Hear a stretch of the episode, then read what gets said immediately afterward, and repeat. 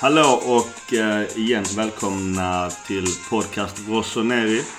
Vi finns kvar i vårt nätverk där ni även kan läsa er till alla möjliga former av nyheter kring Milan och det är på Svenska fans, Milan Club Svezia och Milan Sverige. Hittar ni inte oss på er podcastspelare så gå in i, till dessa plattformar och läs om oss och allt annat kring Milan. Vi eh, tar en snabb vändning direkt och eh, bjuder in kloke, legendariska Thomas Nordahl. På kort hör vad han säger om säsongsinledningen och sen släpper vi in Mackan och Gurra som vanligt. Så håll till godo. Thomas? Tjena Thomas! Micke här, podcast Rossoneri igen. Ja, nu är jag med. Härligt. Eh, hur är läget för det första? Jo, det är väl, det är väl bra. Jag är ju... Vacker solskensdag idag. Ja, exakt. Du, jag tänkte vi hoppar rätt in i säsongsinledningen. Det har varit några matcher. Vad säger du spontant om läget i Milan? Nästan som förväntat. Några poäng till kanske man skulle ha haft. Va? Men eh, jag trodde inte på någon direkt topplacering efter den här omvärmningen som har varit i styrelse och i spelartrupp. Det var just eh, som du är inne på, även med styrelsen. Det har varit många stora namn in. Vad säger du spontant om ja, Maldini, Leonardo och hela Elliot? Ja, men eh, Milan återgår väl lite till sin tradition att ha riktiga Milan-spelare och eh, ja, med förflutet historiskt i, i, i klubben. Det har ju alltid varit deras styrka om man säger både på tränarsidan och på ledarsidan. Om man tittar på Tassotti bland annat, Ancelotti. Ja, det finns många exempel. Vad tror du Milan hamnar utifrån dagens trupp i slutändan i tabellen? Jag hoppas, ju, jag hoppas ju naturligtvis så högt som möjligt, det förstår ju du också. Men eh, Juventus eh, går inte att nå helt enkelt. Eh, inte ser starka ut, Roma. Jag skulle tippa att Milan kanske kan vara med och kämpa om den här fjärdeplatsen till Champions League. Kanske, men annars tror jag väl kanske att Europa League är eh, ett nåbart eh, mål. Milan hade ju tre matcher i rad med bara tre poäng mot lag som då Cagliari, Ja. Atalanta, Empoli. Och då började, redan där började det surras om Gattuso vara eller icke vara kanske med Conte. Vad tror du om Gattuso i långa loppet? Eh, Årets säsong eller menar du framtiden? Ja, både och. Resultaten kommer nog att styra det här lite grann. Men eh, om man ska vara kvar i, säg nästa säsong också, då, då bör han nog nå en Europaplats. Det är nog det minsta. Och det är nog inte säkert ändå. Det beror ju på vilka tränare som är lediga också så småningom. Conte lurar väl i, i vassen eh, eh, lite grann och det finns väl andra tränare som kanske eh, får gå. Men jag, jag tror han får fortsätta ett tag till, det tror jag. Jag tror det är en viktig, viktig grej för honom med avståndet till Inter så småningom här. Och det är ju derby om 14 dagar. Jag ska själv ner och titta på det faktiskt. Så att eh, då kan du ringa igen. Ja, men det är absolut. Annars Conte, vad har du att säga om honom? Tror du att han hade varit en rätt tränare för Milan? Ja, jag menar resultaten talar ju för honom eh, och, och Milan är väl kanske en av de få klubbar i Italien, eller en av de fyra, fem klubbarna i Italien som har råd med en sån som Conte. Han har ju liksom blivit bortskämd lite med Abramovic och Chelsea och det här och Juventus och italienska landslaget. Och han är väl ett bra namn. Eh, han är ett bra namn. Sen om han är lämplig för Milan eller inte, det kanske... Och supportrarna, det kanske inte är så säkert. Men eh, han har ju ett bra CV och eh, supportrarna förväntar sig ju resultat i så fall. Så du menar, så länge resultaten är okej så kommer vi som följer Milan är okej med att han är en Juventino i grund och botten? Ja, i grund och botten är han ju det, men eh, du såg ju hur det gick för en Milanista som eh, Ancelotti i Juventus vart ju aldrig riktigt populär och eh, det är resultaten som får tala för sig naturligtvis. Men eh, jag tror kanske att vi ska avvakta Girone d'Andata som man säger. Halva serien har gått här så får vi se här hur det ser ut här i januari när serien vänder. Milan har ju värvat in lite nya spelare. Vad tror du om vår nyförvärv då? Vi har en ny i varje led. Det vill säga Reina, Caldara, Bakayoko och Higuain. Ja, Higuain har ju eh, visat nu att när han är med så är han ju målfarlig. Han den som jag tycker har varit, eh, som jag är mest imponerad av, det är Soso faktiskt. Han är ju inte ny visserligen, han var ju med tidigare, men, men eh, han är ju en kille som kan avgöra matcherna med sin underbara vänsterfot där. Och så när Higuain och han kanske har spelat ännu lite mer tillsammans så, så, så tror jag det kan, det kan bli riktigt bra framåt eh, för, för Milan. Det, det tror jag.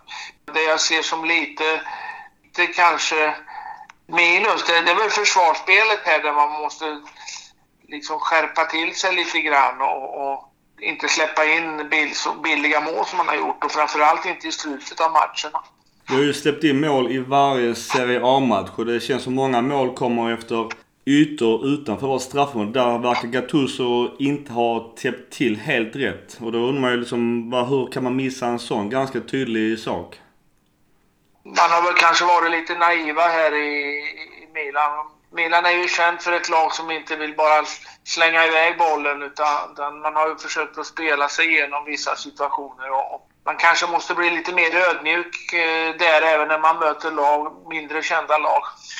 Du var inne på det, Suso har ju varit väldigt duktig i, i denna säsongsinledningen och 4-3-3 passar ju honom väldigt väl. Men tror du 4-3-3 är rätt taktik för Milan att spela i år? Det är ju spelarna som avgör. Det här med stiffelkombinationer är ju ganska... Ibland är det ju ganska ointressant. Det, man, man, kan ju säga sifferkombinationerna blir olika om man är i anfall eller om man blir i försvar, om man möter ett bra motstånd eller om man möter eh, ett sämre motstånd. När man spelar med tre i försvaret och man får försvara sig så är det ju inte tre i försvaret utan det är ju flankspelarna är ju också försvarare. Då, då blir det gärna 5-4-1 så att eh, jag tycker att det mesta är ju naturligtvis, det är en grunduppställning. Den är ju naturligtvis viktig men den är ju anpassad till det spelarmaterial man har i regel. Och Milan har ju alltid historiskt sett också inte varit ett defensivt lag utan man har ju alltid försökt att spela och, och haft en anfallsglad fotboll. Sen beror det naturligtvis på vilka tränare man har haft. Men ja, 4-3-3. Eh, jag säger som tidigare, jag, jag, jag, tycker dagens kritiker och kommentatorer, och det, men lite för tidiga att döma. Låt oss se här när det har gått... Eh, det har ju inte ens gått en tredjedel av serien än. Va? Och, eh, vi kan väl bara konstatera att Juventus är fruktansvärt överlägset och, och eh, sedan kommer det att bli ganska intressant här. Napoli, Roma, inte. Milan kanske kan vara med. Sen finns det ju några lag som har överraskat och vi får se om de håller. Sassuolo exempelvis och Fiorentina har ju haft eh, rätt bra säsongsinledningar. Du Thomas, stort tack. Så jag ringer dig gärna efter derbyt. Får du gärna prata lite om hur det har varit där och stämningen och allting runt omkring som sagt. Ja, det kan jag göra för jag ska besöka Milanello också och mina gamla kontakter där så att då kanske jag har lite mer insight. Mycket spännande. Du, en trevlig ja. kväll på dig så hoppas vi på tre poäng ikväll eller idag mot Kiev helt enkelt. Ja, jag sitter och väntar på att TVn ska börja här. ja, samma här du. Men du Thomas, stort tack och en trevlig dag på dig. Hälsa frugan. Du, skicka gärna eh, en länk till mig. Absolut, jag fixar det. Jättebra, tack för tack att du själv. ringer. Jag tycker tack det är själv. trevligt att vara med på det här. Det är jättetrevligt att du är med också. Tack så mycket du. Ha det bra. Hej. Tack, hej.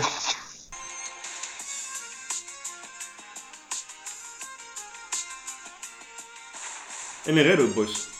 Yes.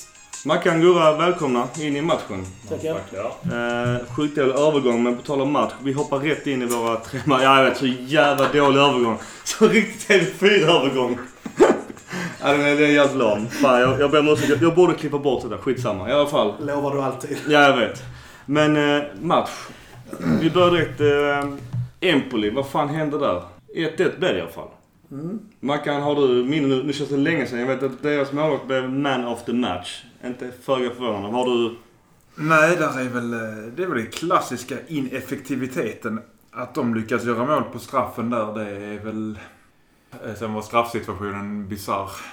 Det var väl då Romagnoli som var duktig i resten av matchen sköt i marken och ja, således ja. passade. Och sen när han skulle försöka försvara så fäller han honom. Det var, det var, till hans försvar var det hans högerfot som han drämde in i gräset. Ja. Skitdåligt i och för sig. Så... Jag ska bara titta upp Romagnoli. Ja. Än en gång borde Milan ha dödat den matchen långt innan straffen blev av. Mm. Så, och att det blir en sån konstig straffsituation kan man väl... Man kan väl diskutera straffen om det var straff överhuvudtaget. Jag tycker att den var ganska lätt dömd. Men fick de straff på, på det han gjorde eller situationen innan? Fan. Ja, det var lite svårt också att få Nej. ut av tv-sändningarna. Men jag tror att det var när han försökte Han, ta eh, bollen från mannen han passade till. Jag har också för mig det. Ja, men när han gick förbi så han släpar ju med sitt ben och klipper killen. Romagnoli. Romagnoli. det Alltså första eller andra spelaren, eller vad fan hände? Det är inte det vi tror, så jag har faktiskt för mig att det är andra situationen. Jag, jag tror det är andra situationen också. In, Eh, Inte där man tror att bollen är, utan han, han, han släpar med benet och klipper killen. Precis. Och det är det det blir på. Jag, Så förstod jag det också när jag kollade på repriserna. mm, jag har ingenting att säga om den. Alltså, är det den så är det såklart. Romagnoli har ju fått ganska okej betyg ändå. Och vi har redan pratat om betyg, vad vi tycker om betyg. För jag tycker fan han var rätt kass och varit ganska kass ganska länge. Han har spelat bra, men han har gjort misstag. Musashi är bara konsekvent instabil. Magnoli spelar ju bra, men han missar. Han gör två misstag varje match som kan vara jobbiga. För att de kan kosta oss ett mål. Och du Mackan, på tal om mittbackar. Du hade väl någon info om Caldara? Ja, Caldara Varför inte ju- han spelar? För då har man länge tänkt, vad fan är hans problem? Ja, nej, han har ju en skada som eh, inte är så bra. Det var väl en instabil eh, Brock i skrevet. i skrevet som gör att man får ont i magen när man springer. Och det är väl rätt så bra att kunna springa som Ja. fotbollsspelare. Jobbigt annars. Så att där är ju en eh, logisk förklaring. Men de, klubben har inte gått ut så många undrar nog. Mm. För klubben har inte officiellt skrivit särskilt mycket om det. Nej. Brock i skrevet är kanske inget man slänger ut. Man Nej, kan, man kan i alla nej fall det kanske man inte vill. kanske man inte vill. Men eh, för vi satt ju undrar varför fick han spela landslaget eh, i förra landslagsuppehållet men sen inte någonting i Milan. Jättekonstigt. Han fick ju spela i Europa League. En match som vi har hållit nollan. Men då, Precis. då var Holland var han väl antagligen. Sprang runt och hade ont. Ja, ja precis. Vad har du Gurra annars att säga om Empoli? Ja, vi märkte ju här att, det- precis som vi pratade om förra gången, så fick två anfallare skadade. Att det är tunt på anfallsfronten. Att Borini fick, okej Borini ska ha, han- alltså han värvades ju till England en gång i tiden som klinisk striker.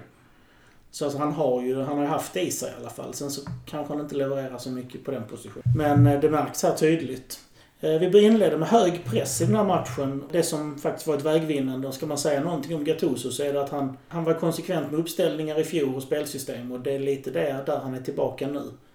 Till skillnad från Montella som bytte liksom i varje halvlek nästan. Men när vi får 0 0-1 så gör Gattuso samma grej varje gång. Då sjunker vår höga press ner. Vi backar hem. Vi låter motståndarna få initiativet. Vi kan alltså spela till 50 minuter, 60 minuter knappt och motståndarna fått låna bollen. Sen backar vi hem, ställer upp för att vi tar ledningen med 1-0. Och låter ge motståndarna initiativet. Vi- Och vi ser det match efter match.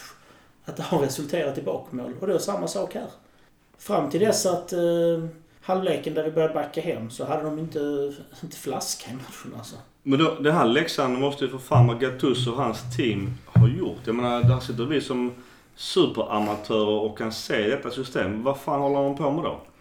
Vi får väl ändå, om vi då tittar på matcherna, de två senaste, tre senaste matcherna, så har det ju ändå på något sätt förändrats något, tycker jag. De vågar fortsätta anfalla trots att de leder med ett mål. De jobbiga grejerna kanske har varit när de har gjort mål väldigt tidigt i matcherna. Det gjorde de ju. Tappar man då så tappar du ju nästan hela matchen så att säga. För om du inte har initiativet efter det, då är det väldigt jobbigt helt plötsligt. Ja.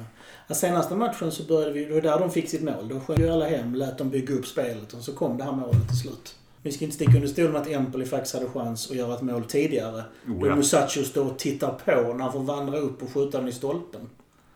Men att, man eh, kan, man kan ju titta på statistiken mot Empoli. Då har Empoli tre skott. Milan har 24. 17 skapade chanser för Milan och två för Empoli. Så jag tycker inte det är ett problem att det blir ett mål. Givetvis vill jag ju att vi ska hålla en nolla någon gång i Serie A eh, denna säsong. Men om vi bara gör mål på våra chanser.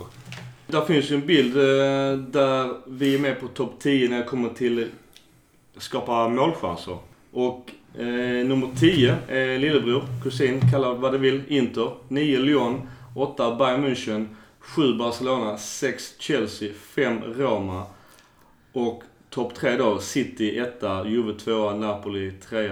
Men vi, Milan, är ändå nummer 4 på 14,3 chanser, vad fan nu det betyder. Men någonstans är du inne på det Mackan och du Gurra också. Att vi skapar ändå, och det kan man också säga i kanske vårt mönster, att det var bolljäveln som, som ska in.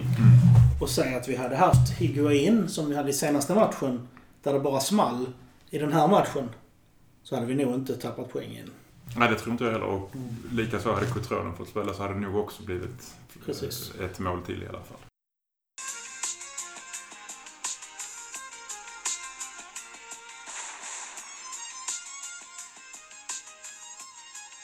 Men har vi något mönster annars i eh, våra matcher? Om jag bara ska försöka, är det kanske fel att klumpa ihop dem fast det är helt olika? Du, du blir det lite här. Vi, vi, I pappen har vi Empoli 1-1. Sassuolo har vi 4-1 mot. Olympiakos 3-1 vinst och Kievo 3-1. Har vi något, har vi något mönster? För nu eh, sista tre matcherna har vi gjort rätt mycket mål och vinner. Genomgående är när vi har, när vi spelar med högt lag, när vi har hög press från början och inte ger motståndaren uppbyggnadsfasen. Då har vi också tagit ledningen, vi har stabilitet i matcherna. Och när vi har backat hemåt för att spela mer defensivt, det är då vi har tappat det. Initiativet i alla fall. Och så tycker jag ju att de senaste tre matcherna har ju samarbetet mellan yttre och den som skall spela anfallare funkat mycket bättre. Framförallt Suso har ju varit väldigt bra. Han var smått kritiserad i vissa forum där vi har också vår plattformar. Jag Vi har det- väl också kritiserat honom lite för, eller jag får jag väl själv säga. Jag får stå för vad jag säger. Att han är, Ja, vi har ju också att på han är lite lättläst. Han fortfarande är en lite lättläst. Det är lite Robin eh, light. Ja. Mot Sassuolo som är matchen då efter Empoli där vi vinner med 1-4. Var ju inte Sassuolo särskilt bra. Vem var det som spelade falsk nia? Eh, Så Castillejo. Castillejo spelade falsk nia där. Hade du haft en Higuain där så hade nog blivit ännu mer. Men roligt också att, eh, som också man såg efter matchen, att vi eh, hade lite svårt att avgöra matcher tidigare. Så helt plötsligt spelar vi en match utan anfallare och gör fyra. Det blir också någonstans någonting som kanske säger någonting om vår anfallare eller vår effektivitet framför mål. Men vi ska vara glada i den matchen att vi mötte Sassuolo. Vi mötte med det laget. Alltså för att så dålig som Abate var. Och så dålig som Musacho var i den matchen. Varför får de spela vidare? Jag fattar inte det. Alternativen finns ju inte. Vi pratade om bredden innan. Du har ju Romagnoli som egentligen är given ettan. Och nu spelades ju Zapata in när Romagnoli var skadad. va? Han var skadad nu i... Och Zapata gjorde ju det riktigt stabilt tyckte jag ju nu igår. Sen återigen Kebo. Vi var inne på det också innan alla tre att Milan fortsätter att rulla boll väldigt djupt nere. Donnarumma fick ju panik en gång och slå bollen till hörna. Och det kommer ju straffa oss som jag har sagt. Och nu möter vi ett pisslag, ja förlåt, Eh, vi möter Kebo. Och eh, de straffar inte oss.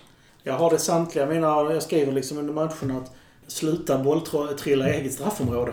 Gick hem och det duttas runt och helt plötsligt hade Donnarumma inget passningsalternativ. Nej, det, det har vi väl hävdat hela säsongen att det här kommer, kommer ju straffa sig och mot de bättre lagen kommer det definitivt straffa sig. Syntes ganska tydligt mot Napoli till exempel. Nu gavs det bort en hörna som, som det allvarligaste igår, men det kan, kunde varit mycket värre. Att Abate får spela beror väl på att Conti är skadad fortfarande och inte kan spela. Och att Calabria inte kan spela alla matcher. Uppenbarligen kan han inte det. Och ha ett gult kort inför derbyt där jag hoppas Gattuso hellre vill spela Calabria än Abate. Det antar man ju. Just det, bara på tal om landslagsuppehåll. Vi har ju vissa spelare som går nu på landslaget eh, som inte blir skadade hoppas jag. Eh, Rodriguez, Laxalt, Suso kommer ju med igen. Halilovic, Kessi, Chanoglu. Och sen har vi två unga spelare, om vi kan hoppa över dem så länge. Calabria, Bonaventura och Donnarumma. Ja, Romagnoli och Cotrone blev hemskickade i eftermiddags. På grund av sina småskador. Det är bra att inte de Det riskerar var dem. skönt. Ja, det var skönt. Det var dumt att riskera dem. Jag vet att Gattuso var lite förbannad att de tog ut Cotrone som var skadad. Sen ungdomsspelarna är Bellanova och sen har vi Gurra, en målvakt som du eh, kommer nämna lite kort senare. Ja. Vill du ta någon cliffhanger redan nu kanske? Eh, Plizzari. Eh, italienska U-lagets stora eh, practical joker. Ja, vi låter det vara så länge där. Målskytt annars Mackan, du var inne på det med eh, Higuain. Ja, Higuain har ju börjat... Eh, han har ju varit frustrerad, det ser man, för att han inte har fått den eh, support som han tycker sig behöva. Sen, igår gick han i sig ut och eh, överöste Suso med beröm när det har börjat funka lite bättre. Men han har ju tydligen inte gjort så här många mål på så här få matcher i första säsongen i en ny klubb någonsin. Vilket jag inte riktigt om det har någonting med Milan att göra eller bara det att han är, är, bättre med åren. Till skillnad från här, alltså i Milan så, så cirkulerar, alltså anfallsspelet går ju ut på att han ska ha bollen. Ja. Och man ser det i många klubbar att det kommer någon som verkligen är fokus då. Antingen levererar de hur mycket som helst eller ingenting alls. Och nu när spelarna börjar hitta honom. Jag menar, alla passningar, kolla Sosos passningar, de sökte Higuain hela tiden. Eh, när Hakan försökte slå in så sökte han hela tiden. Långbollarna från Bonaventura och Calabria sökte honom hela, hela, hela tiden. Och Sosa har börjat göra inlägg som inte enbart är med vänsterfoten och ganska höga. Utan det kommer även med högerfoten, det kommer raka inlägg. Det kommer, Mm. alltså, så att Sosa ska faktiskt ha cred för han har förändrat sig de senaste matcherna. Jag tror att Gattuso har gått ut och sagt det till honom också att du måste göra lite annorlunda helt enkelt. Thomas Nordahl var ju även inne på det. Att Suso har varit eh, väldigt bra på senare tid och, och det syns även i, i media och... Vad säger du? Du kan ta den Mackan, Mackan i poängligan. Ja, vi... Topp så topp 10 är lite intressant att säga. kan börja nerifrån ju. Topp 10 i, eh, Europa. i de, Europa. Ja, det blev väl de största ligorna såklart. Ja, fem Eh, första, största ligorna. Och då hamnar Suso på en mittenplats, det vill säga en femteplats. Det är Messi, Mbappe, Neymar och Hazard som ligger före honom. Ronaldo kommer efter, Sterling, Piatek, Pepe och Cavani. Där har ni topp 10. Och Suso har ju verkligen kommit med assisterna. Det är ju inte, han, målen har ju inte riktigt flödat på samma sätt kanske. Jag bara tänk på om man nu ser på transfers. Nu gick ju hans klausul ut. Men om man ser topp 4-spelarna och Ronaldo bakom eh, på sjätte plats. Jag menar, om man ska se deras värde. Det är ju ingen där som kostar under en miljard. Och Suso har ett snitt då på 8-10. Ovanför är Hazard på 8-15, sen Neymar 8-28. Och Mbappe 8-37, Messi 8-42.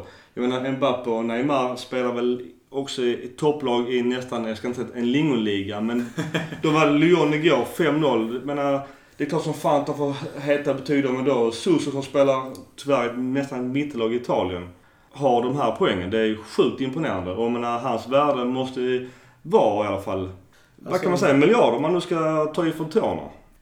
Fortsätter han leverera, alltså sju matcher är, höjer inte så mycket värde. Men ser det ut efter 20 matcher att han har 10 mål och 15 assist, då kommer det verkligen att börja värdeökning. Nej, skulle han gå nu så 50-60 miljoner euro någonstans. Det ligger nog kvar. Det är konstigt att ingen klapp honom på utköpsklausulen som var på 38 miljoner euro. Jag tror många, många säger det. Det finns, finns en engelsk klubb som jag trodde skulle kni- knipa. Där han dessutom räknas som... Alltså... eh, Homegrown. homegrown, ja. Liverpool. Liverpool. Ja, för de jag skickade tror honom. faktiskt de stora eh, giganterna, i framförallt Real Madrid, eftersom de har lite tunnsått ändå när man ser det i dagsläget tycker jag. Jag tänkte också just eh, en rak kopia på Robin Bayern München som har pengar och han är ju inte direkt ung längre. Det ska läggas till eh, också att Liverpool hade en buyback på 18 miljoner. Hur länge var det? Det gick ut nu också. Skämtar du? Och jag inte tog den? Ja. Jävligt märkligt. Det kan vara, för Suso har själv sagt, i alla fall enligt hans agent, att han inte vill lämna. Nej. Och vill han inte lämna så kvittar det ju vilken buyback de har. För Ja, Han skriver kanske inte kontrakt med varken Liverpool eller Real Madrid. Och ser man också vad som finns i Liverpool, de tre där uppe petar han ju inte. Nej, Liverpool saknar ju en ytter om vi ska prata Liverpool. Det gör de ju för breddens skull. Liverpool har en bra bredd men de saknar väldigt skadekänsliga.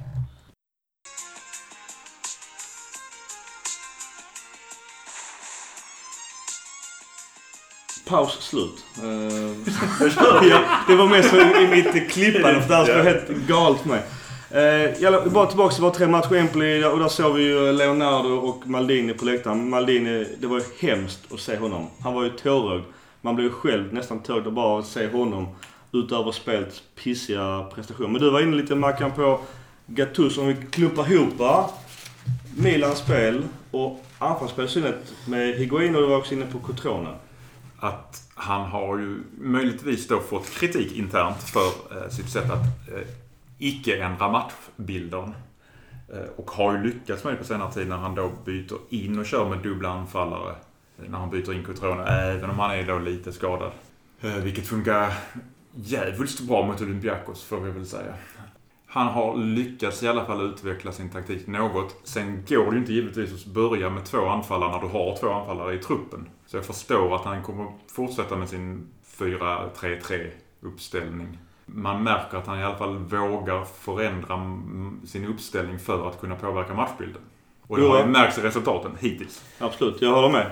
Och Gurra, vad säger du? Absolut. Det som Mackan är inne på. Den, eh, det, händer, det har hänt någonting. Alltså den osäkerheten som jag kände för två, tre matcher sedan. Nu, nu har vi vunnit, vi har mött dynglag och sådär. Men någonting i spelet ändrar sig. Sen finns ju de här grejerna kvar. Bolltrillandet i eget straffområde. Första passen verkar alltid gå hemåt. Så att vi har aldrig några snabba spel, alltså spel, alltså spelvändningar på det viset. Men eh, absolut, någonting har hänt. Han vågar försöka. Det är något rakare spel på offensiv planhalva Ja. också. Innan har det ju varit massa, massa bollar fram och tillbaka. Till crossboll till crossboll höll jag på att säga. Men alltså väldigt mycket. Den här raka bollen i, som skär backlinjen Mm. till en Higuain. De, våg, de vågar slå den även om det inte alltid går fram. Och givetvis har ju, som du sa, en mindre bra lag vi har mött, då kanske det funkar också. Även att man börjar vinna lite matcher ger ju självförtroende och då vågar man också prova mer grejer. Och det är väl, många har efterlyst självsäkerheten och den här kaxigheten som storlagen har. För Milan har inte haft någon kaxighet på de senaste åren. Han fick väl också nu inför de här tre kryssen tre matcher på sig att eh, leverera och det har han ändå gjort. Så att han sitter väl lite mer säkert i båten nu. Fyra spelare jag tycker man ska lyfta fram, bortsett från Higuain då. Alltså som har bidragit det där. Du har Kessie som står för en enormt jobb offensivt. I sin Carrileo-roll. Pressar, vinner boll, får tag på dem. Vi har Donnarumma som faktiskt har räddat oss. Många av de här kryssen kan bli förluster med en annan målvakt. Så han ska ha väldigt mycket cred. Och sen har vi, som vi varit inne på innan, eh, Rodriguez. Vänsterkanten är ju inte... Det är inte en fråga ens om de kommer igenom där, utan det är stopp. Han har gjort 50 matcher nu Milan, så det är Mm. ju snyggt va? Det är stort. Du grabbar, vi eh, har ett nytt inslag. Eh, Jag känner mig lite som han här eh, En röst i natten. Minns den här tv-serien? Oh, ja. Vår yngre tittare har ingen, America, Ja. wherever you are. Yngre tittare har ingen aning om vad det är för skitserie. Det är inte så mycket att välja på när vi var, vi var små. Men jag tänkte vi ska göra en liknande grej. Vi har en Milan-fan på, på luren. Får höra lite vad han tycker och tänker om detta. Tjena, tjena. Tjena, läget och välkommen. Tackar, tackar. Du, eh, namn, om ort kanske? Daniel Johansson, Halmstad. Härligt. Fotbollsspelare sedan eh, 20 år tillbaka. Ja, okej. Du, är välkommen till eh, podcast eh, Rossoneri. Tackar. Du tänkte lämna ordet helt fritt. Vad har du på hjärtat och tycke, tankar, funderingar? Nej, jag tänkte lite på föregående match. Lite försöka förstå sig på Gattusos taktik. Vad tycker du om hans tankar? Tydligare spel än under Montellas tid, måste jag säga. Man ser lite i, just i defensiven så ser man att eh, man vill ha, man vill trycka lite hårdare. Man försöker stänga av den ena mittbacken genom att Higuain ställer sig emellan medan en av eh, mittfältarna, Kessie och Bonaventura, försöker gå upp och, och tvinga dem till en längre boll. Det tycker jag ser rätt tydligt i defensiven. Men varför släpper vi alltid i mål i matcherna? Har, du, har de... Jag kommer inte ihåg vem som gjorde felpassen nu i senaste matchen som ledde fram till målet. Men det var ju en pass som gick upp till Kessie. Gurra bläddrar här i papperna. Vänta lite. Ja, Uh, Musacho är det som är svag där i den situationen. Jag tycker att det visar väl lite eh, under hela säsongen där lite att eh, vi ska rulla oss igenom varenda situation. Vad tycker du om det? Alltså jag har ju aldrig varit något stort fan av Barcelonas era. Jag tyckte, jag tyckte den var tråkig. Och jag hoppas inte man försöker efterlikna det. Men eh, på sätt och vis, det är väl bra att vi försöker spela oss igenom det. Det visar på något sätt på en stor klubb. Men eh, jag vill ju hellre ha ett 3-0 resultat än ett 3-1 resultat. Eh, hellre 2-0 än 3-1 också. Alltså jag kan ju säga att jag tycker jag saknar Bonucci även om han är en råtta som går tillbaka till Juventus. Eh, Så kan man ju Jag tycker ju att mittbackspelet är betydligt skakigare idag än det var i slutet av förra säsongen. Där Bonucci hade ett öga för att ge en långpass istället för att passa eh, sidled i eget straffområde. Hela den här uppställningen bygger på spel, minst en spelskicklig mittback och där är vi inte riktigt än. Vad är du för position när du spelar fotboll själv? Jag är själv mittback. Mittback. Ja, Men vad, vad, vad, vad säger du om våra mittbackar? Och vad, vad ska de göra för att hålla nollan? Jag ska ju egentligen ta egna eh, referenser och spelat som högst i division 5, vilket inte är speciellt högt. Men... Det är Eh, högre än oss i alla fall. ja, men precis. Eh, själv. nej, men alltså försöka hitta... Eller för mig rättare sagt. Gurra är division 4-kille. Nej, men jag tänker lite försöka hitta dem lite enklare. Alltså precis som, eh, som ni säger så innan hade vi Bonucci och han kunde ju avväga de här lite längre passarna med de, de, de lite kortare. Och det känns som att Musacchio klarar inte av det. Romagnoli är väl på väg. Han har fina fötter i grunden. Kaldao har jag inte en jävla aning om och Zapata ska jag väl inte prata om. Om man nu halvt behöver panikvärva, vilken spelartyp, kanske namn, hade du velat tro gör skillnad i Milan? Vi bör göra mer mål, men jag tycker ändå att vi behöver en backup för Bonaventura alternativt en som går rakt in i elvan där istället. Han är, in, han är bra i jättemånga matcher, men sen så har han de här dåliga med, då fallerar det rätt mycket. Vi behöver någon som kan trolla lite på mitten, kan göra sin gubbe, kan, eh, kan ta liksom klivet fram och göra det. För att just nu, alltså vi är rätt beroende av Suso. Och eh, Hackan har ju inte kommit igång än och Bonaventura är upp och ner, precis som Suso. Fast nu den senaste tiden har jag varit magisk, men vi kan inte förlita oss på det. Eh, där tror jag vi behöver. Och sen beroende på hur det ser ut med Conti, om han kommer tillbaka eh, någorlunda som han var eh, under tiden i Atalanta så, så har vi någonting där. Nej, jag tycker du har rätt. Vi behöver ju någon på mittfält som även vågar hjälpa till i defensiven lite också. För vi har ju klagat lite på Bonaventura och hans icke-defensiva spel. Savic pratades ju om tätt inför sommaren. Men det blev ju inget. Kanske han är någonting. Troligtvis inte i januari dock. Ja, men det som du är inne på, det, det som vi pratade om förra gången också. Att alltså en riktig playmaker som kan leda mittfältet är det som saknas. Ja, just nu så blev vi rätt beroende. I och med Bonuccis uttåg så, så förlitas ju mer eh, bollarna från djupet ska ju komma mer av Biglia och jag vet inte om man håller måttet för det är faktiskt lite osäkert. Lazio gick ut och sa att hade fått ett bud på just Savic kort eh, innan stängning av- av fönstret men det gick inte att ersätta en spelare på så kort varsel. Och det spekuleras att Milan ändå var sugna att det kanske var ganska långt gånget i förhandlingarna då. Jag tänkte ju lite på Gattusos taktik. Alltså även i, i det offensiva har man ju försökt luska lite. Och jag vet, alltså, vi går ju fortfarande genom Soso. Och det känns som att antingen så, vi har från kanten så kommer Calabria på springande på utsidan om honom eller så kommer Kessie på insidan av honom. Och Antingen hittar han djupet på dem eller viker han in och försöker gå in. Där ser man väl en... Alltså det är i alla fall en spelidé jämfört med Montella tycker jag. Sen om den är bra eller inte, det får vi ju se när spåret är slut. Men du, eh, stort tack för medverkan. Tack så mycket. Tack, Och tack. eh, fortsätt gärna lyssna på oss. Ja, det ska jag absolut göra. Super, ha det gott så länge. Hej. Detsamma. Hej då. Hej.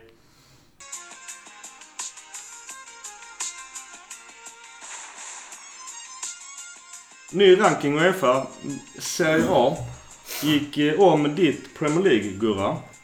Vi har numera 67 440 poäng och Premier League har 67 100 177 poäng. Nu spelar det ingen roll för att 263 poäng. Ja, dock. Placeringen är viktig.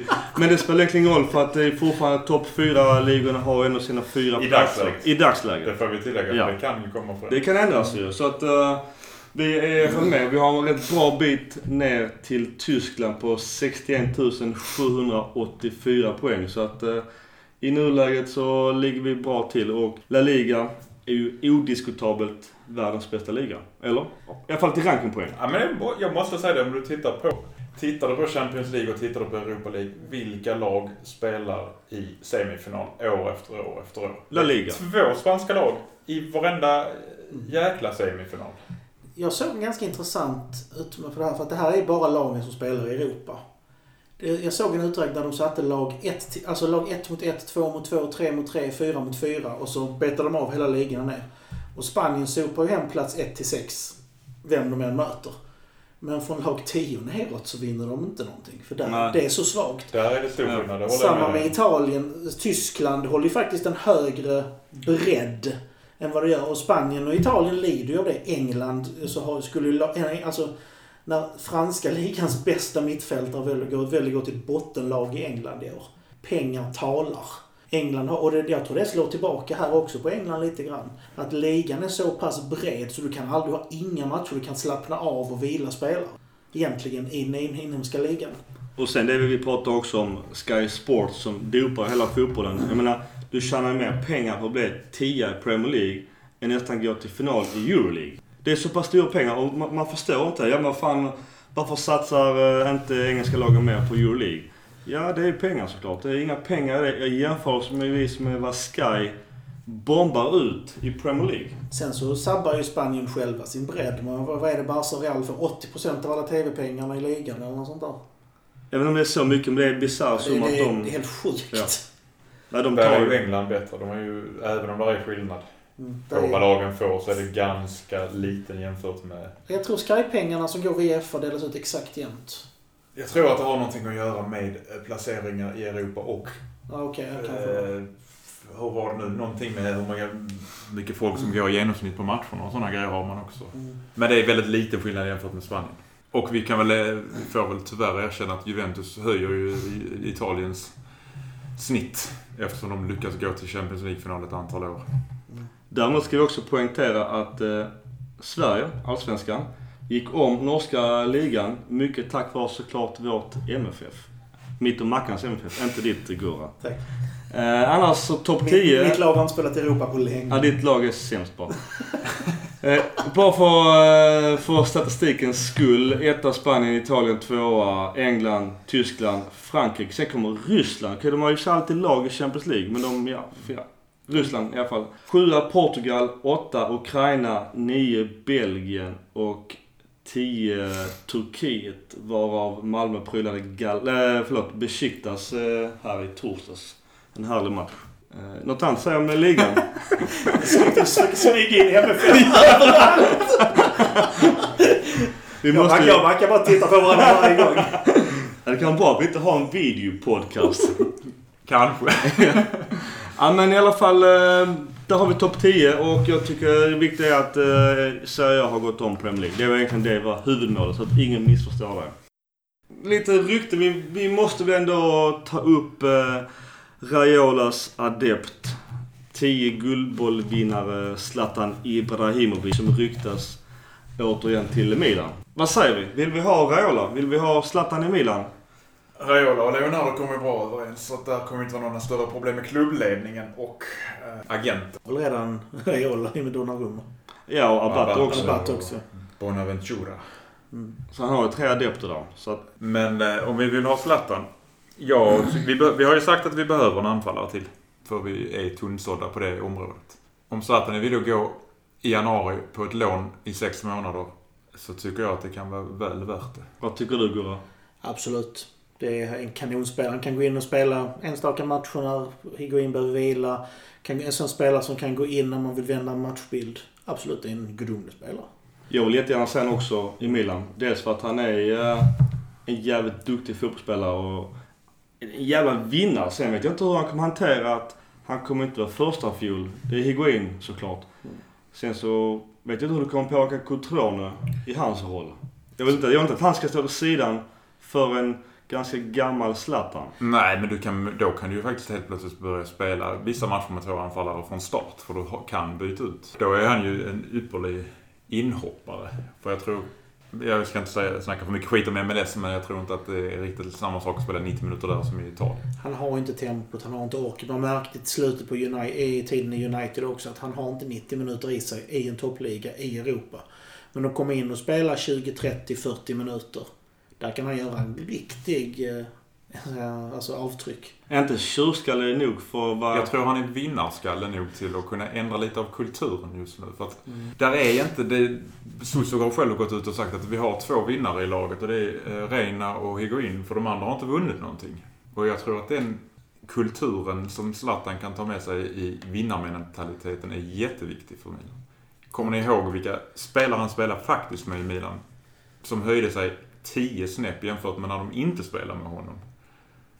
Eh, Jag tror att det är jätteviktigt att ungdomarna som spelar i laget idag ser att det går att bli riktigt bra. Ja, Vänta, vänta. precis. Men precis som du säger, någon, någon som leder omklädningsrummet. Även om han inte spelar så kan han leda omklädningsrummet. Både på och av planen. Jag är också jättemycket för Zlatan. Det hade varit eh, jävligt grymt att se honom i Milan och han pratar ju likt alla andra fortfarande väldigt väl om Milan och hans familj trivdes bra i Milano. Han ville inte bli såld från Milan. Fast Milan åkte rutschkana rakt ner i avgrunden så ville han inte lämna ändå. Den enda nackdelen som jag ser det, det är ju att det blir ett steg längre från att återvända till Malmö FF. Det är mitt, det är mitt enda... Tar du in det igen? Det är det enda. Men annars... Han kan komma efter den säsongen då. Han kommer aldrig spela i Malmö FF Du måste vänja dig vid tanken. Ja, jag vet. Men så att, just det här med vinnarkulturen. För där har Milan inte det som satt i väggarna tidigare när de hade Grande Milan. Att de gick ut och hade redan vunnit matchen på förhand. För att möta de spelarna var ett helvete. Kaxigheten som vi Ja. pratade om innan. Den, den har ju definitivt Zlatan om. Han är ju riktigt jävla arrogant som han själv säger, men han bryr sig inte heller. Och hans mål han har gjort i kalanka ligan är ju ändå fantastiska.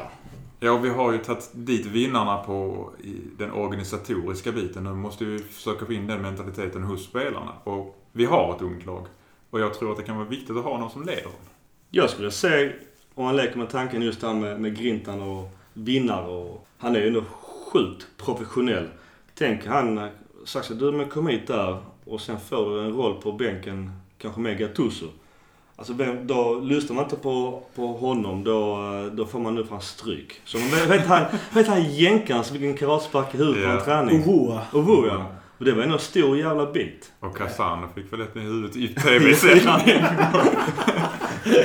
Alltså, vi ska inte kanske förespråka våld, men jag menar jag tror i alla fall poängen är fortfarande att när Zlatan fortfarande pratar, då, då lyssnar fan folk. Och gör man inte det, då får man sig nog någon boll i huvudet kanske.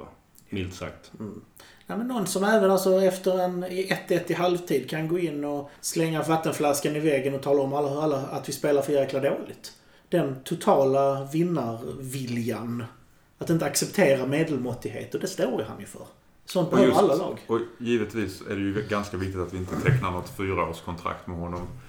Som kommer sänka ekonomin i fyra år. Utan det är ju korttidslån. Ett halvår med kanske ett år till med samma roll. Ja, precis.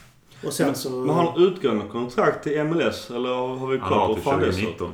Ja, det Och är 2019 i MLS och den säsongen är ju uppbyggd annorlunda. Jätteannorlunda jämfört med Europa.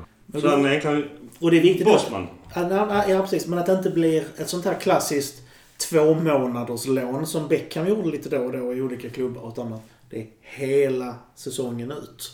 Inget annat bör vara accepterat. Jag såg Becker. Han var när, jag såg den matchen när han var utlånad just till Milan. Nere i Milano.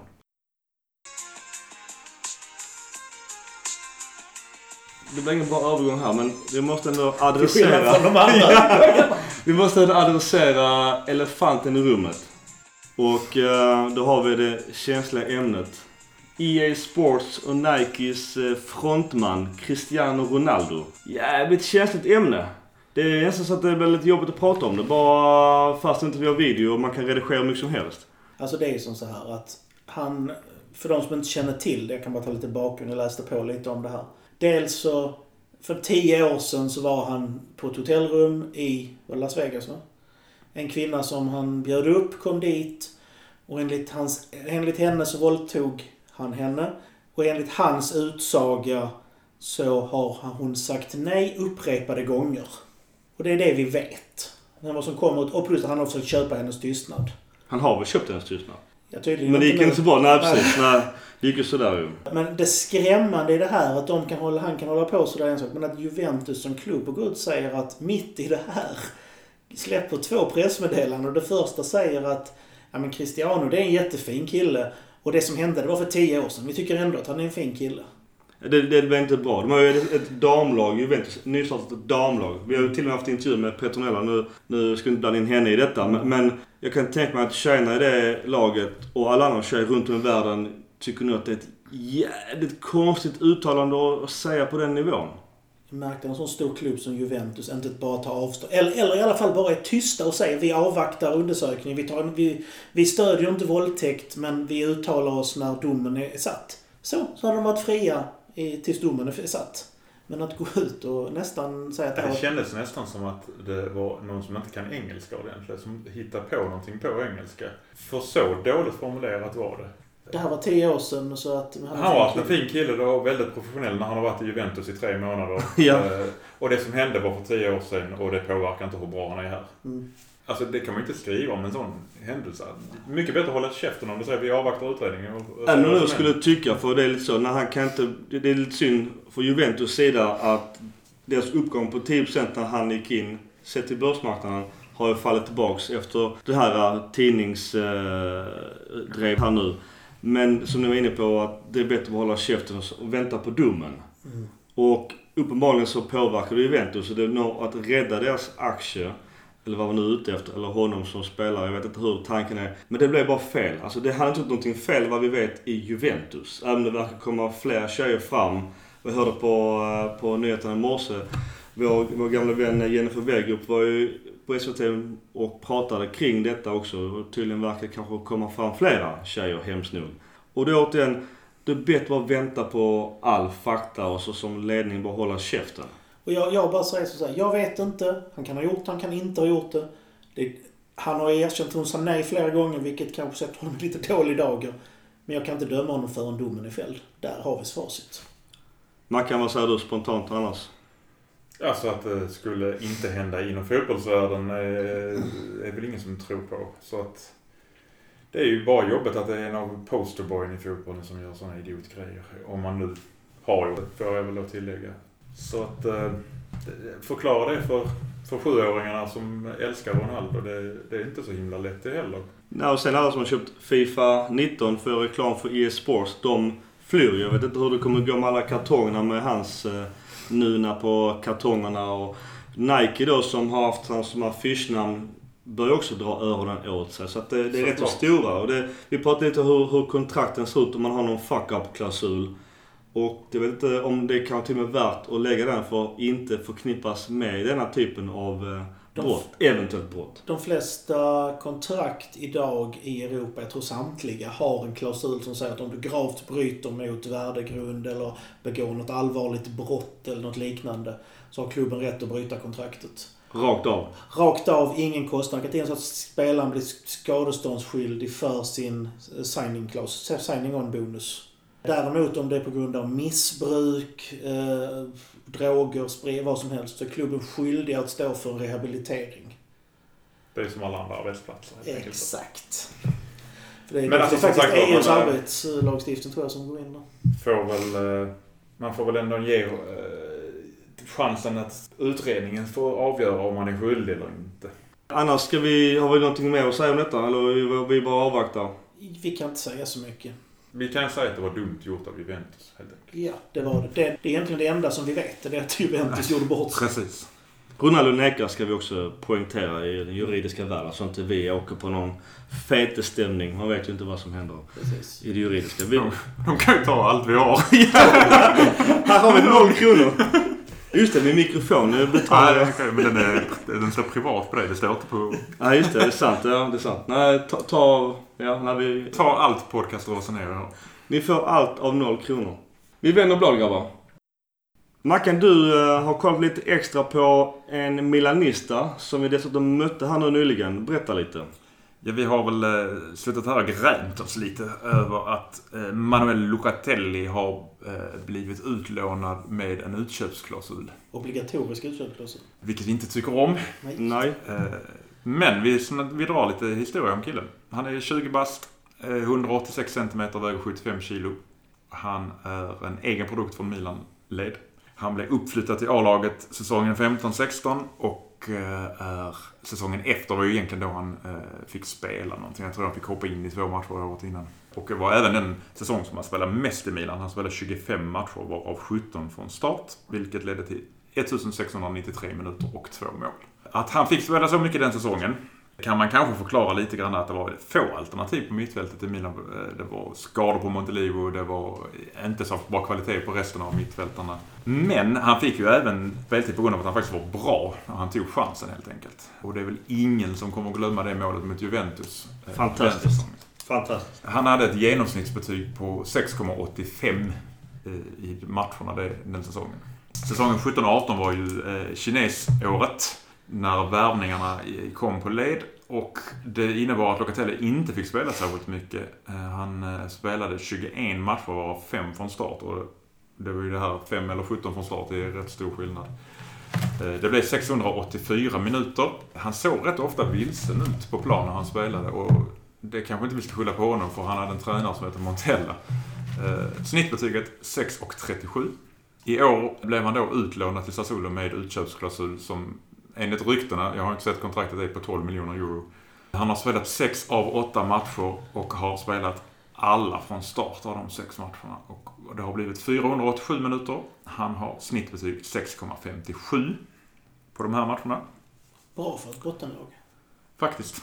Han har då eh, lite styrka i sitt passningsspel som faktiskt har blivit bättre och bättre. För jag har kollat på passningarna. Precisa passningar har gått från 82, eh, 86 till 92 procent under de tre senaste säsongerna. Och vad har vi då för analys om det här? Jo, eller jag.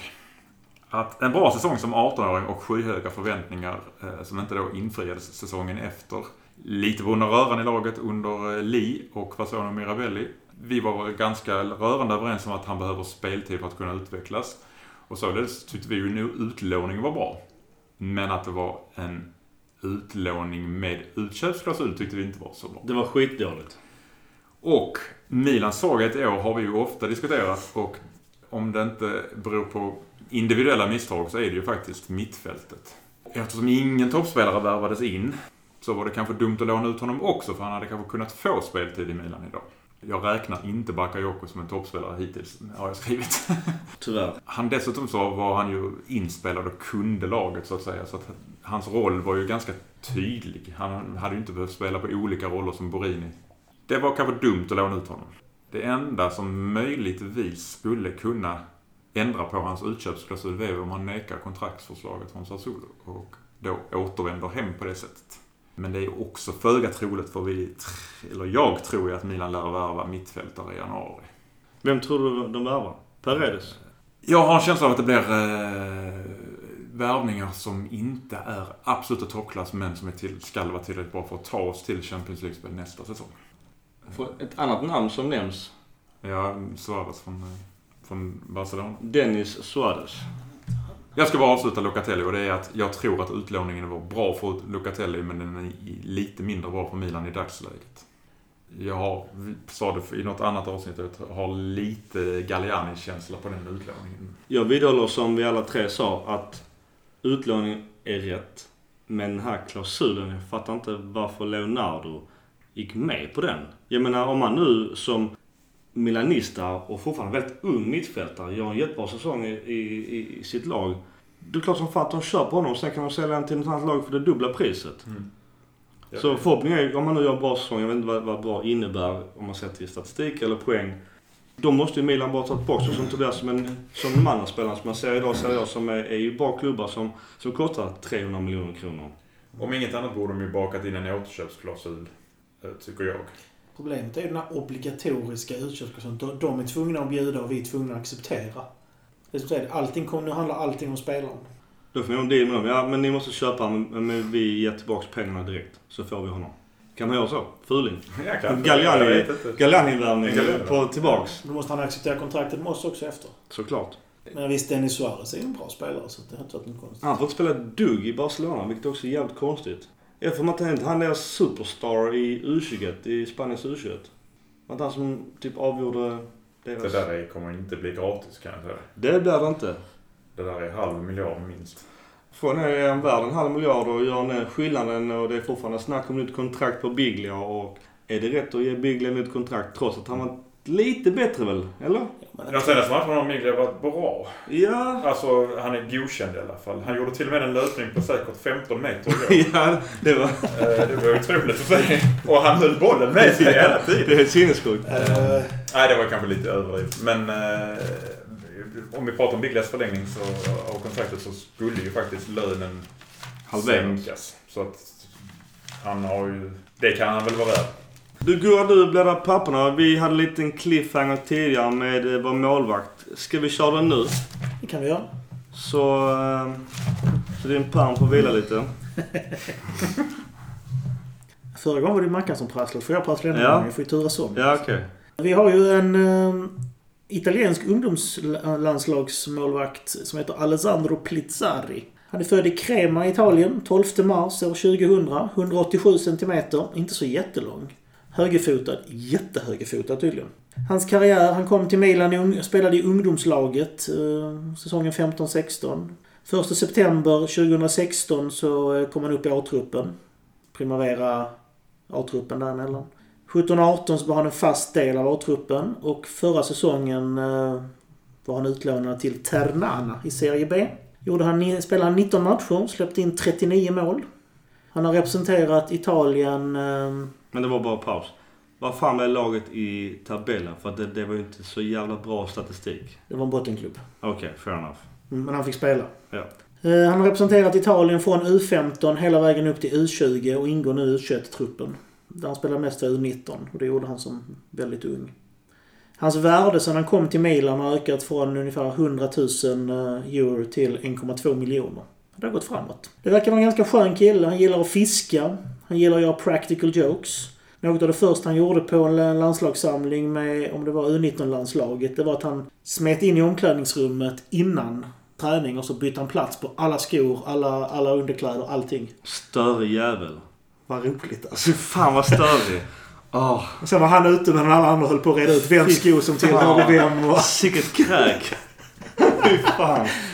Ah, fisk under, varje- under huvudkudden. En sån riktig Försök se stämningshöjare. A-laget med Zlatan. Ja, ja, exakt. Ja. Det är det sista du gör. Vad var det de gjorde i Göteborg? Han klippte sönder kalsongerna och allt vad det var. Tigerbalsam. Ja. Han bedöms ha en enorm potential. Väldigt bestämd och målmedveten. Väldigt bra bollmotare. Inte så bra i bollhanteringen. Alltså han är bra på att stoppa skott. Men han ska inte... Han, är- han är ingen Peperena som slår smörpassar på 40-50 meter eller Peter Schmeichel som kan kasta bollen till mittlinjen rakt på fötterna på en spelare. Utan han är... Han stoppar bollen och levererar den. Och det, det är hans stora brist, spelet med fötterna. Smidig, och mycket snabb, väldigt snabba reflexer. Kortare målvakter kompenserar ju ofta sin brist på längd med att vara väldigt reaktionssnabba. Så att eh, hoppas han får speltid, hoppas han fortsätter utvecklas. Nu än i år har han fortfarande inte spelat en match. Och det tycker jag är lite märkligt. Varför använder man inte de här spelarna som ligger precis utanför truppen så att säga? Varför får inte de spela i primaveran? Jättekonstigt. Han borde vara startmålvakt i primaveran. Då har de kanske en annan målvakt där då som de... Det har de, men ska man, då ska man inte lyfta upp honom om han ska få spela. Det var ju snack också ett tag om att eh, Italien skulle införa någon form av reservlagsserie. Där, Det gjorde de ju. Ja, vad fan hände med det? Och Men där är ju Milan la varit- ner det. Ja, det är också jävligt Kineserna värvar ju rätt kraftigt för att kunna ha ett B-lag. Leonardo tyckte inte det var någon bra idé om jag förstod det rätt. Det är lite synd. Det hade varit perfekt för honom att spela. Denna säsongen, Ja. får jag väl tillägga. Mm. Det kan ju komma när man har en stabilare ekonomi. Sen, sen tycker jag liksom att det här borde man ju, alltså då borde ett reservlag, där borde Pepe Reina spela. Varje match och så sitter på bänken i A-laget. Han här borde ju spela i primaveran och finns i det alltså, Så att man, man vågar skicka spelare mellan lagen. Men det, kän, det känns som det är så cementerat. Risken är att, eh, som du tog upp i förra avsnittet när vi pratade eh, Mastur, den enorma talangen som bara försvann. Hemskt ska att om, om Milan har en ny målvakt av en stor talang, att, det är också en spelare som försvinner ut och rinner ut i sanden. Det, är ju, vad, hur gör vi för att stoppa det? Den stora skillnaden tycker jag verkar vara inställningen. Mastur brydde sig ju inte. Han, vill, alltså han hade, kändes helt ambitionslös. Han ville bara latcha och ha kul. Plisari verkar i alla fall satsa. Han verkar i alla fall vilja. Han verkar vara på väg uppåt. Han måste ju få speltid. Jag hoppas ju nu att han, om han inte får chans att spela ordinarie primavera, att han i alla fall lånas ut i januari. Till en Serie B-klubb och får starta varje match hela våren. Berlusconis Monza kanske? Ja. Har Ja. man tatueringar så är det tyvärr. ja, just det ja. Inga Inga, tatueringar inget skägg. och inga, inga eller sånt i ögonen. Jag, jag, vad jag såg av Plisari så har han, han ser ut som en svärmors dröm. Ja, alltså- det är Monza då. Man kanske kan förklara lite av ja, att det har varit lite tumult i klubben under sommaren. Så att det kanske är därför det inte riktigt finns någon struktur var han ska spela. Om han skulle vara på väg att bli utlånad eller hur det var. Det. Spelet bakom kulisserna vet vi inte Så jag riktigt. tänker också om man nu eh, ser på personlig utveckling att hänga med Reina och Donnarumma ett halvår. Det kanske är bästa utbildningen än att stå och harva i ett Serie B-lag där man är i bottenlaget och bara står och motar boll. Mycket bättre än Tony Donnarumma blivit. Förvisso. Men Han han, vet att eh, han var jäkligt bra i den matchen han fick hoppa in. Ja, förvisso. Men, men Antonio Donnarumma kanske inte har samma talang, förhoppningsvis. Men jag, har, jag fattar din poäng. Tack. Något annat att säga om honom? Nej, det är som sagt, vi måste förvalta. Vi, vi kan inte slänga bort det här. Nej. Sen är frågan, alltså, går det som det ska så ska ju Donnarumma utvecklas och vara en världsmålvakt i 20 år till. Vad gör vi med honom då? Ja, om, ska du låta honom utvecklas och bli en ganska bra målvakt och sälja honom med en rejäl vinst i så. Exakt. Återköpsklausul och vidaresäljningsklausul och allt som kan ge mycket pengar. Det känns konstigt för jag tycker inte det är många italienska klubbar som har de där klausulerna medan Barcelona har det på varenda spelare. Mm. Vilket det, inte ens Juventus verkar göra sådana grejer. Jag undrar om det har någonting med reglerna i de olika länderna Det är bara kulturen. Jag menar varenda... Alltså, Italien har ju en väldig lånekultur. Man lånar en spelare mot en avgift, sen köper man loss dem.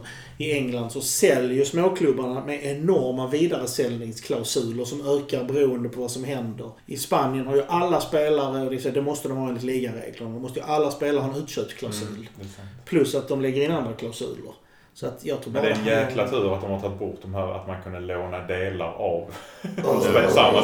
Det var ju- sinnessjukt. Vilket Ja. röra det var. Vi köper halva den spelaren och så bara nej.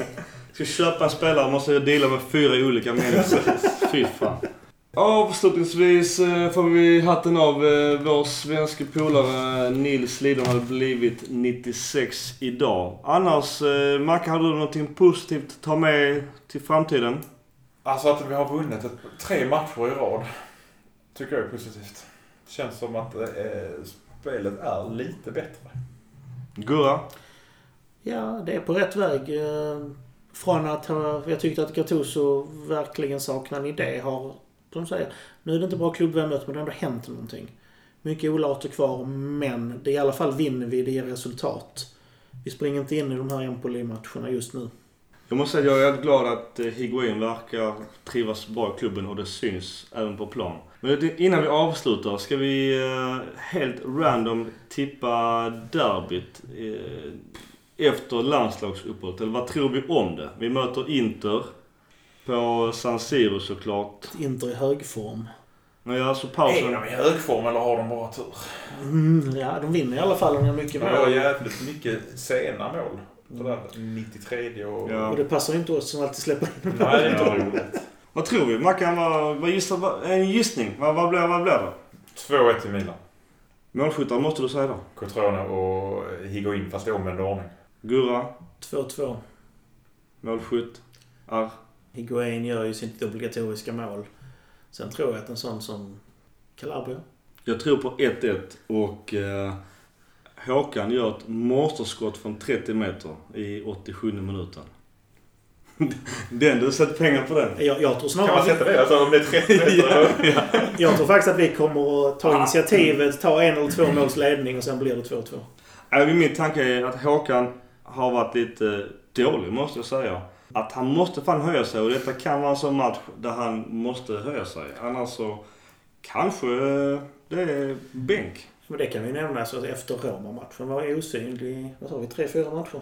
Han blev lite bättre nu tyckte jag igår. Men... Ja, men också mot ett dåligt Kiev. Men det är i vår interna chatt. Vi är i hårda ord där, men Håkan har fått rätt mycket skit av oss alla tre. Därför tror jag att eh, han känner en viss press att det är dags att leverera. Så att jag tror att han levererar mot Inter och räddar en poäng i alla fall. Är vi nöjda? Forza Milan! Forza. Milan.